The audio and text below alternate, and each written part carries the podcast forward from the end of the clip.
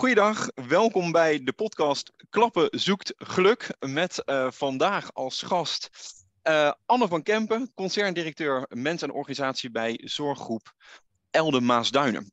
Uh, Anne, welkom allereerst. Superleuk dat je tijd hebt kunnen vrijmaken om dit interview te voeren. Um, ja, en als ik het eventjes heel kort mag introduceren. Ik uh, ben natuurlijk zelf al een uh, lange tijd geïnteresseerd in het thema werkgeluk. En met, met name ook in de zorg. Van hoe, uh, ja, hoe, hoe doen organisaties dat? En keer op keer kom ik jullie organisatie tegen als een soort best practice. Van nou, daar gebeurt het. Hè? Op LinkedIn zie ik veel voorbij komen. En nou, ook vaak gerelateerd aan jouw naam. Dus ik denk het is superleuk om jou eens een keer te spreken over uh, ja, wat hebben jullie uh, tot op heden gedaan met het thema werkgeluk en wat gaan jullie in de toekomst doen? En um, nou, dat is misschien ook even een, een brugje naar mijn allereerste vraag: van hoe ben jij zelf op het thema werkgeluk gekomen? Of hoe, hoe ben je in aanraking gekomen met het onderwerp? Ja, um, zal ik ook even vertellen wat mijn functie is? Ja, ja nee, zeker. Ja, ja, ja. Ik, was uit enthousiasme al uh, ben ik de vraag aan het ingaan. nee, helemaal goed. Nou ja, je noemde net al de naam van de organisatie waarvoor ik werk. Dat is dus uh, Zorggroep Eldermaasduinen. En ik werk daar als uh, concerndirecteur mensen- en organisatieontwikkeling. En dat is HR, opleiden en ontwikkelen en innovatie. Mm -hmm. wij werken binnen onze organisatie met meerjarenprogramma's. En een van onze vier meerjarenprogramma's is het programma Werkgeluk en Vitaliteit. Ja. en dat doen we eigenlijk al vanaf 2019. Uh, dus daarmee kom ik eigenlijk ook uh, als reactie op jouw uh, vraag, Erwin. Um, het, was dat, het was zo dat onze toenmalige bestuurder, um, nou ja, was een, nogal vooruitstrevende dame, Jacqueline Joppe. En zij, um, nou ja, was wat te weten gekomen over werkgeluk en daarover in contact gekomen met de Erasmus Universiteit van, van Rotterdam. Uh, en heeft uh, eigenlijk um, daar de hele directie over geenthousiasmeerd. En uh, de aanleiding om met werkgeluk aan de slag te gaan was niet zozeer omdat het ontzettend slecht ging. Of zelfs niet een beetje slecht. we deden en doen het eigenlijk best wel goed als je kijkt naar onze instroompercentages. En oh, we hebben ook een laag uitstroompercentage. Um, maar we wilden graag juist nog meer doen. En kijken van hoe kunnen we dat nou ook goed in stand houden. We wisten natuurlijk toen ook al uh, van de tekorten die daar aan zouden, zouden komen. Nou, en daar hebben we nu ook uh, steeds meer mee te maken. En ja. dan niet zozeer van dat moet de tekorten oplossen, maar door al vroeg aandacht te besteden aan werkgeluk, um, kan je natuurlijk ook aandacht besteden aan hoe kan je nog fijn of prettig blijven werken in een omgeving die verandert. Mm -hmm. uh, en waarin je ja, met steeds minder mensen het werk gaat doen. Ja, ja, exact. Oh, wel mooi. Dus je zegt eigenlijk, eh, wat je vaak ziet, hè, bij, zeker ook bij zorgorganisaties, is dat er vanuit een bepaalde pijn, hè, een enorm verzuim of een enorm verloop, uh, dan mm -hmm. zeggen ja, nu moeten we er iets aan gaan doen. Maar bij jullie is het eigenlijk dus veel meer uit een soort ambitie ook van, kunnen ja. we het werkgeluk van medewerkers verhogen. Hè? Eigenlijk een soort intrinsieke motivatie ja. om ermee aan de slag te gaan. Even los van ja. ja wat, wat het uh, aan organisatieopbrengsten misschien kan uh, opleveren. Nou, exact. En ik noemde net al dat we vier meerjarenprogramma's hebben. Uh, en een van die programma's die in ieder geval toen in de opstartfase ook um, werd, ja, waar we toen mee zijn begonnen, was levensgeluk. Dus werkgeluk voor aan de medewerkerskant en levensgeluk voor aan bewoners- en cliëntenkant. Oké, okay, mooi. Ja, want dat is misschien ook een mooie link naar de volgende vraag: van wat is voor jou de definitie van werkgeluk? Ja, um, ja de definitie van werkgeluk gaat voor mij over de mate waarin iemand zich overwegend prettig voelt op het werk en tevreden is met het werk als geheel. Um, ja. En als je kijkt naar geluk, dan kan je een onderscheid maken tussen enerzijds een deel van het leven of het leven als geheel. Uh, en uh, uh, geluk, als je dan bekijkt naar van voorbijgaande aard of duurzaam. Ja. Um, en um, ja, dan kom je eigenlijk uit op geluk als voorbeeld van een genieting, een topervaring, um, maar bijvoorbeeld ook levensvoldoening. En ja. levensvoldoening is, gaat over het leven als geheel en duurzaam. dus als je dan kijkt naar werkgeluk, hè, da daarin vind ik het belangrijk om vooral te, te noemen dat het gaat over de mate waarin iemand zich overwegend prettig voelt. Dus het is niet zoiets waarin ehm, je altijd blij moet zijn. Juist doordat er ook um, ja, moeilijke, moeilijke dingen op je pad komen of in je werk ehm, en je daar goed mee om kan gaan, kun je ook werkgeluk ervaren. Ja, mooi, mooie uh, toevoeging zit, hè? want het is dus niet alleen maar je moet uh, happy de peppy zijn, maar juist ook van ongeluk mag er juist ook zijn. En daar leer je weer van. En uh, nou, daardoor kan je op een gegeven moment weer in een fase komen van meer werkgeluk. Ja, ja en ik, ik benoem hem ook even expliciet, omdat zeker in die opstartfase, dus toen we begonnen met het programma Werkgeluk, um, was dat ook iets wat regelmatig ter sprake kwam. Van, oh, verwacht de organisatie dan nu van mij dat ik altijd gelukkig ben in mijn werk? Maar, maar zo kijken we er dus juist niet naar. naar. Nee, nee, mooi.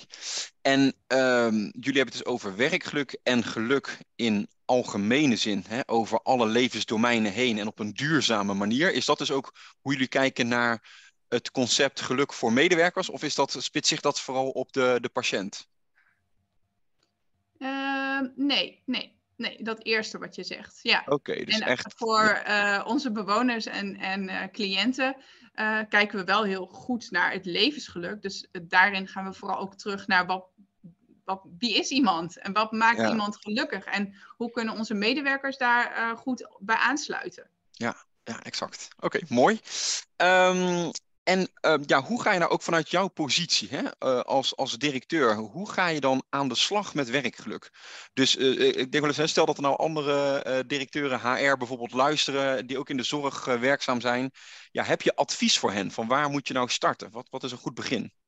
Um, ja, wij zijn begonnen allereerst met een geluksmeting. Dat doen we dus nog steeds met de Erasmus Universiteit, met EHERO. Um, ja. Ehm, en um, dat helpt ons omdat we daardoor zicht krijgen op hoe staan we er eigenlijk voor als organisatie. Dus wij zijn afgestapt van een traditioneel uh, medewerkerstevredenheidsonderzoek, maar zetten daar een geluksmeter voor in en daar komen scores uit.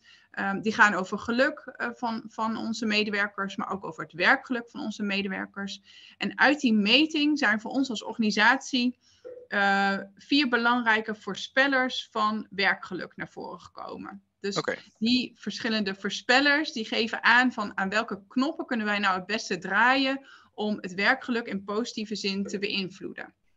Nou, en, dat is bij ons uh, werksfeer. Dat is heel benieuwd, ja. Ja, ja. ja werksfeer, werk- en privébalans, handelen vanuit de uh, organisatie en de inhoud van het werk. Ja. Um, dus dat heeft ons in ieder geval richting gegeven van, um, oké, uh, als we dus dat werkgeluk willen beïnvloeden in positieve zin, uh, dan is, zijn dat de onderwerpen waar we uh, iets mee moeten doen. Moeten doen um, En de manier waarop we dat gedaan hebben, en dat is wel echt een hele belangrijke, denk ik, is dat het niet is opgelegd of wordt opgelegd.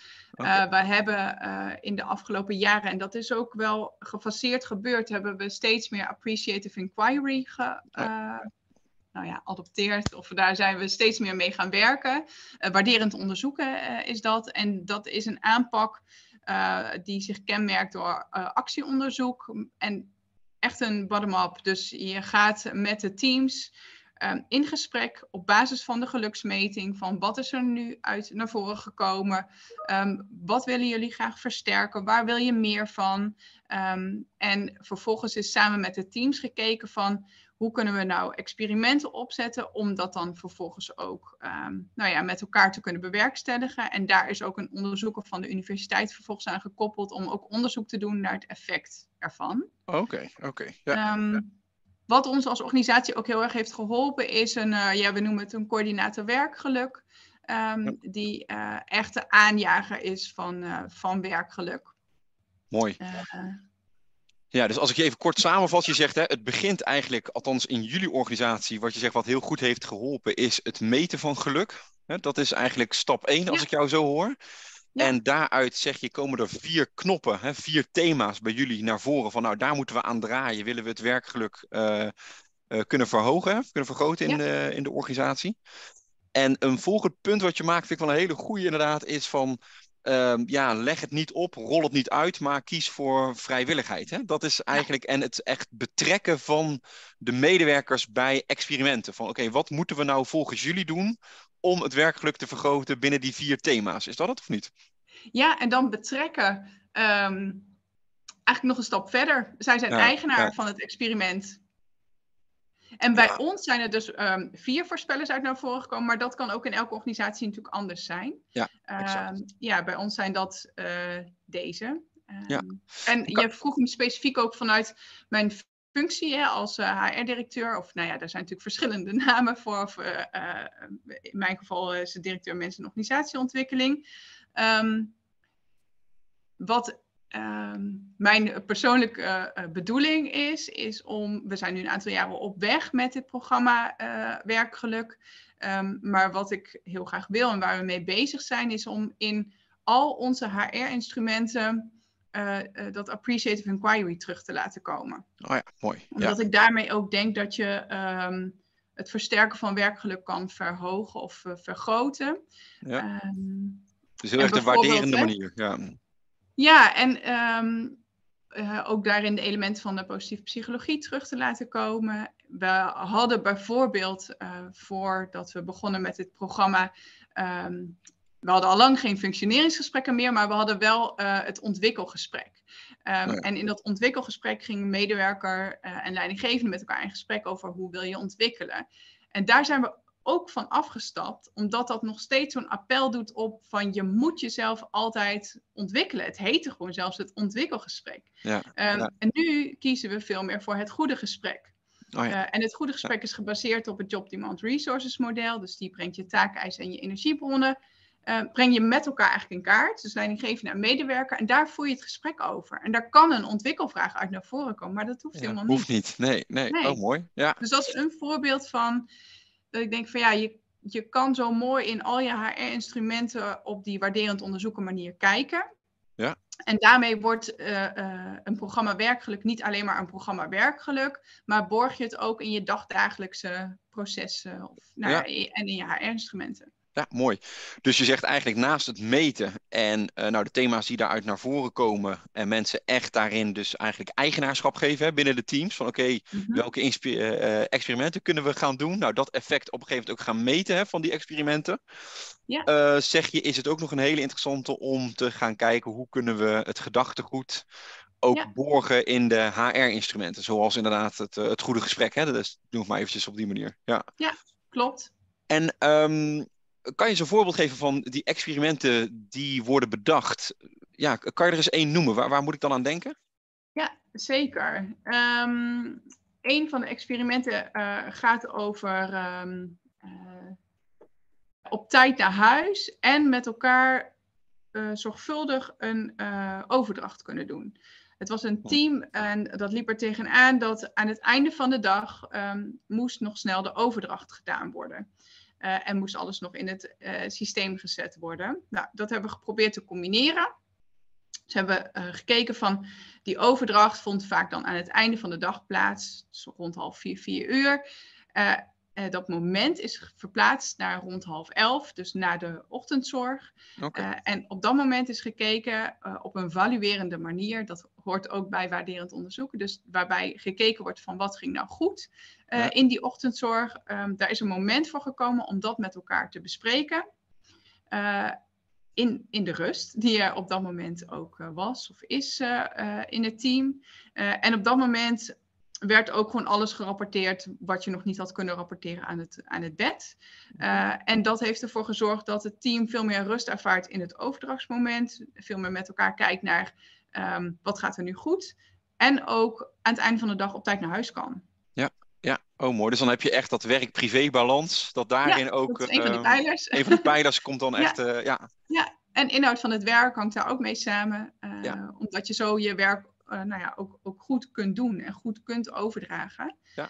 Ja. Um, en, en mooi dat je begint met, sorry, maar ook mooi dat je begint met hè, wat, wat ging goed. Hè? Dat is ook wel een, ja. uh, tijdens zo'n uh, ja. moment. Ja, ja. ja, nou ja, dat past dus ook heel erg bij uh, dat waarderend onderzoek of appreciative inquiry. Ja. Um, en wat, het, wat ik wel het mooie vind, is dat ook de onderzoeker vanuit EHERO Ehm, dus ook heeft gekeken, een, een voormeting heeft gedaan en een nameting heeft gedaan op hoe beoordelen uh, de teamleden nu uh, dat proces. En daarin zag je ook echt wel een uh, significante verbetering. Oké, en meet je dan ook dus op werkgeluk of meet je dan op andere parameters? Ja, volgens mij moet ik even terughalen hoor. Er werd gemeten werk- en privébalans, dus een van de pijlers. Oh ja. um, maar ook waardering uitspreken naar elkaar. Ja. Mooi. Dat, dat zijn er zo twee die ja, dat zijn er nu in mijn hoofd opkomen. Ja, ja. ja. ja. Mooi. En um, ja, je hebt het net al een beetje aangestipt, hè, maar um, waar ligt voor jou de verantwoordelijkheid uh, voor werkgeluk? Wie, wie, is er verantwoordelijk? Ja, ik denk dat uh, iedereen uiteindelijk verantwoordelijk is voor zijn of haar eigen werkgeluk. Mm-hmm. Uh, maar dat je daar als organisatie wel heel goed in kunt faciliteren. Ja. Maar de eindverantwoordelijkheid die ligt denk ik bij ieder afzonderlijke medewerker. Ja. Dus ook voor mezelf, hè, als ik het heb over mijn eigen werkgeluk. Ja, en hoe doe jij dat dan richting jouw medewerkers? Hè? In je rol als leidinggevende, hoe stuur jij op het werkgeluk of hoe faciliteer je het werkgeluk van jouw medewerkers? Ja, ik denk dat ik het heel erg opgenomen heb in mijn basishouding. Uh, um, en dat ik, uh, ik hoef daar niet meer over na te denken, maar ik probeer ook altijd te kijken naar wat gaat goed. Uh. Wat waardeert iemand uit mijn team zelf, aan de situatie, maar ook aan zichzelf. Ja. Um, en door daar regelmatig bij stil te staan met elkaar. Dus okay. ik heb regelmatig uh, ja, bila-gesprekken met de teamleden. Um, ja, en dan is ook altijd onderwerp van gesprek, hoe gaat het met je? Ja. En daar komen in elk gesprek ook dingen naar voren die goed gaan. Ook dingen die lastig zijn en daar is ook aandacht voor. Uh, ja. Maar ik zoek daar zelf altijd een, een, uh, een goede balans in. Ja, mooi. En als je, je kijkt, hè, van je zegt, nou, de, de medewerker is primair zelf verantwoordelijk voor zijn werkgeluk, maar de organisatie heeft wel een faciliterende rol. Ja. Wat ik uh, steeds vaker hoor, en ik ben dus benieuwd hoe jij daarnaar kijkt, is dat ze zeggen van joh, uh, als je de financiën op orde wil hebben in een organisatie, dan stel je een CFO aan. En als je het mm-hmm. werkgeluk duurzaam wil verbeteren, dan stel je een Chief Happiness Officer aan. Eigenlijk in de raad van bestuur van een, van een organisatie, of in ieder geval op directieniveau. Hoe, hoe kijk jij daarnaar? Ja, nou, ik zou mezelf niet een Chief Happiness Officer noemen, maar ik, ik heb wel die pet op, uh, samen met de werkgelukcoördinator. Ja. Uh, dus bij ons op directieniveau is heel veel aandacht voor, maar dan niet alleen werkgeluk, zou ik zeggen. Nee. Um, uh, en, en daarom vind ik de benaming ook mooi van mens- en organisatieontwikkeling. Het gaat om de menskant. Um, ja, human, human capital wordt het natuurlijk ook genoemd. Dus als je daar mm-hmm. ja, um, voldoende aandacht aan besteedt en kijkt naar wat kan mensen nu helpen daarin, ja. um, ja, heeft dat uiteindelijk ook effect op je organisatieresultaten. Daar ja. geloof ik heilig in. En ik ja. denk dat je dat moet beleggen op directieniveau en dat de bestuurder daar ook, nou, die moet dat op zijn minst omarmen. Ja, ja, exact. um, maar of het een Chief Happiness Officer moet zijn, ja, het is ook een beetje van wat versta je onder die functie natuurlijk. Ja, ja, exact. Maar in ieder geval, wat je zegt, hè, het is dus wel een duidelijk faciliterende rol. Hè? Dat is wel een belangrijke ja. uh, vanuit, vanuit jouw functie eigenlijk. Hè? Van hoe faciliteer je het werkgeluk van de medewerkers? Ja, ja, ja. ja. ja en, en de, juist dus die link met HR en opleiden en ontwikkelen is denk ik zo belangrijk. Want je kan een Chief Happiness Officer hebben en vervolgens als je weinig ontwikkelmogelijkheden biedt of daar juist heel strikt in bent, ja, dan staat dat haaks op elkaar. Als je dat integraal ziet, het, gewoon het, de hele medewerkerskant, ja. Um, ja. ja. is dat denk ik uh, beter. Ja, ja duidelijk. Um, en jullie zijn natuurlijk al een paar jaar bezig hè, met, uh, met werkelijk bevordering. Wat zijn nou de valkuilen die je bent tegengekomen? De, zeg maar even de don'ts. Wat, wat moet je niet doen? Wat zijn de valkuilen? In die hoe kan je daar ja. nog wat over vertellen? Ja, we hebben wel echt last gehad van uh, corona. Uh, nou ja, last is denk ik nog zwak uitgedrukt.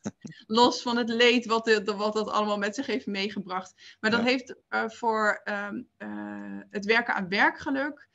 Um, natuurlijk hebben we daar heel veel aandacht voor gehad, juist ook in de coronatijd. Maar met groepen mensen samenkomen, samen experimenten bedenken. Weet je, dat was gewoon echt niet mogelijk. Dus dat, dat was lastig. Ja. Dus dat is er eentje. En nou ja, wij zijn een 24 uur zorgorganisatie. dus onze organisatie heeft ook echt wel kenmerken van een bureaucratie. Ja. en dat is soms ook nog wel eens lastig. Dus uh, trage besluitvorming, als ik hem zo uh, zou uh, mogen noemen, is denk ik ook echt een don't. Um, het helpt als je met een team ook snel aan de slag kan gaan om experimenten te bedenken en ze dan ook uit te voeren.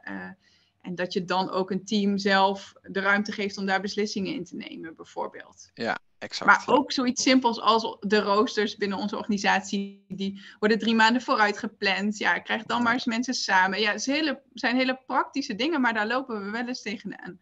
Ja, exact. Oh, dat is wel goed. Dus om daar ook rekening mee te houden. Hè. Zoiets praktisch als de roosters, dat is, uh, uh, ja, Dat is een, een, een, hele goede. En je zegt die trage besluitvorming, ja, dat, kan me voorstellen dat het ook niet uh, af en toe bevorderlijk werkt als je tempo wil maken. En corona is natuurlijk sowieso, ja, dat overkomt je als organisatie ook. Dus ik kan me ook goed voorstellen dat dat uh, ja, dan even jammer is. En tegelijkertijd, ik weet niet hoe jij dat ziet, maar dat juist na corona merk ik dat er ook steeds meer een soort omslag is van, oh ja, werkelijk is van nice to have echt naar must have geworden. We moeten hiermee aan de slag. Ja. Herken jij dat of niet? Um ja, voor ons was het dus al een must hè Ja.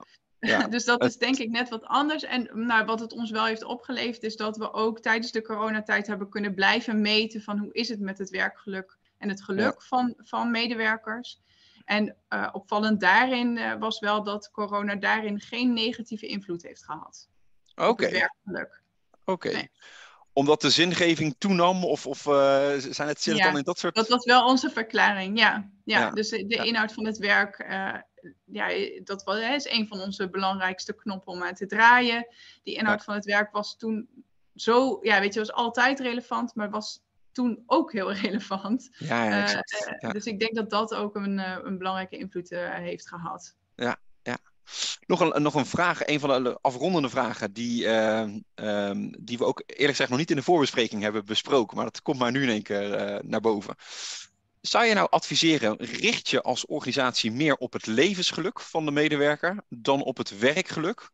Of zeg je nee, begin toch bij het werkgeluk en dan uh, zijpelt dat ook door naar de rest van het leven. Hoe, hoe zie het jij dat? Het raakt elkaar zo. Want als jij niet gelukkig bent op je werk, dan ben je in de rest van je leven denk ik ook niet zo gelukkig. Ja. Dus dat, dat loopt in elkaar over, denk ik. En ik denk dat als organisatie um, kun je aandacht hebben ook voor uh, geluk in algemene zin.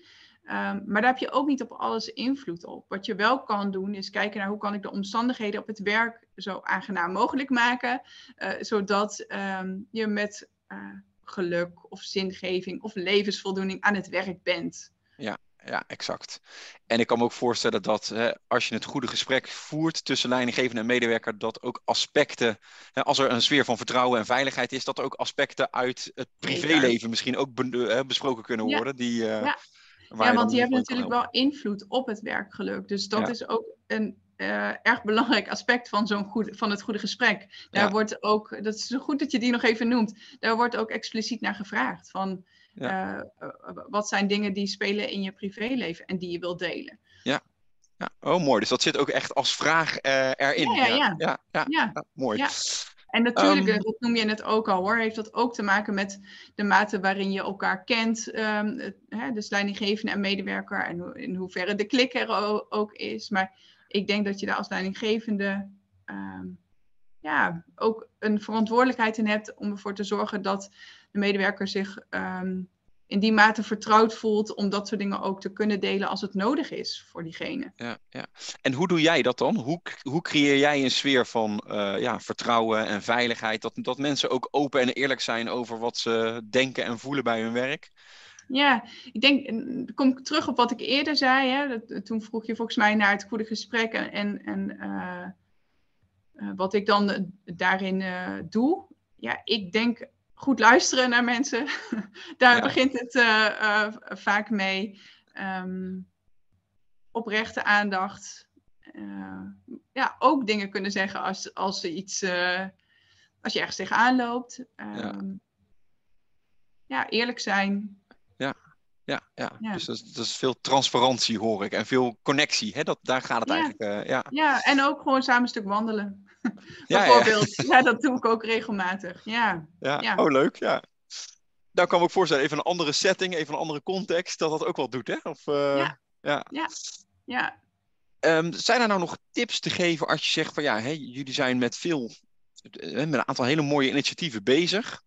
Ja. Um, maar wat ik wel eens in andere organisaties hoor is van ja, het, het, het risico bestaat dat het ook een soort bevlieging is en dat het op een gegeven moment weer uitdooft. Nou, jullie zijn al erin geslaagd eigenlijk om al een aantal jaren uh, met werkgeluk aan de slag te gaan. Dus hoe borg je het? Hoe, hoe blijft het? Hoe beklijft het? Ja, um, ik denk het zien als niet iets tijdelijks of als iets waarmee je quick wins kan maken, maar iets waar je eigenlijk altijd aandacht voor moet hebben. Mm -hmm. Er echt voor kiezen om uh, deze, met deze aanpak aan de slag te gaan. Dus we hebben ook in ons directieteam gezegd van wat wordt nou onze veranderaanpak en omarmen wij dat waarderend onderzoeken ook echt met elkaar, want dat betekent soms ook op je handen zitten. En ja. Um, uh, ja, één zin die ik daarin altijd heel belangrijk vind is van uh, ga aan de slag daar waar de energie ervoor is. Ja. Um, ja. Maar dat betekent soms ook dat je geduld moet hebben en dat um, teams elkaar ook kunnen enthousiasmeren om ergens mee aan de slag te gaan. Ja. maar dat op het moment dat teams ergens uh, aan beginnen, dat er dan ook nou ja, echte motivatie voor is of intrinsieke motivatie voor is. Ja. Ja, ja mooi. En dus dat, uh, dus dat betekent dat je dus ook niet het inderdaad aan het uitrollen bent en zegt nou iedereen en alles moet met werkgeluk uh, aan de slag, maar vooral heel erg kijkt waar zit de energie en kunnen we daarop aansluiten. Ja, nou en doordat je het meet, hè, dus dat, doordat je het inzet als medewerkerstevredenheidsonderzoek, nou, we noemen het een geluksmeting, komt iedereen er toch wel mee uh, in aanraking of ziet het voorbij komen. Ja, en ja. natuurlijk, uh, uh, niet iedereen vult zo'n vragenlijst in. Dat is ook nee. reëel of realistisch. Um, maar ja, elk jaar komt dat terug. Dus ja. we hebben nu, we, we hebben nu uh, drie jaar lang doen we de meting ook, de, de geluksmeting. En we zijn ook voornemens om dat voor het vierde jaar weer te doen. Omdat ja, we zouden, er zijn nog hele mooie andere metingen voor medewerkerstevredenheid. Maar ik denk ook dat daarin het goed is om voorspelbaar te zijn en dingen een aantal jaren vast te houden als het goed werkt. Ja, ja mooi. Dus het komt nu al drie jaar terug. En je zegt eigenlijk, hè, is dat ook. Ik kan me ook voorstellen, ja, je krijgt natuurlijk ook die resultaten terug. En dan wil ja. je er ook iets, dan wil je er ook, als het goed is, iets mee. Ja. Hè? Als, als, ja.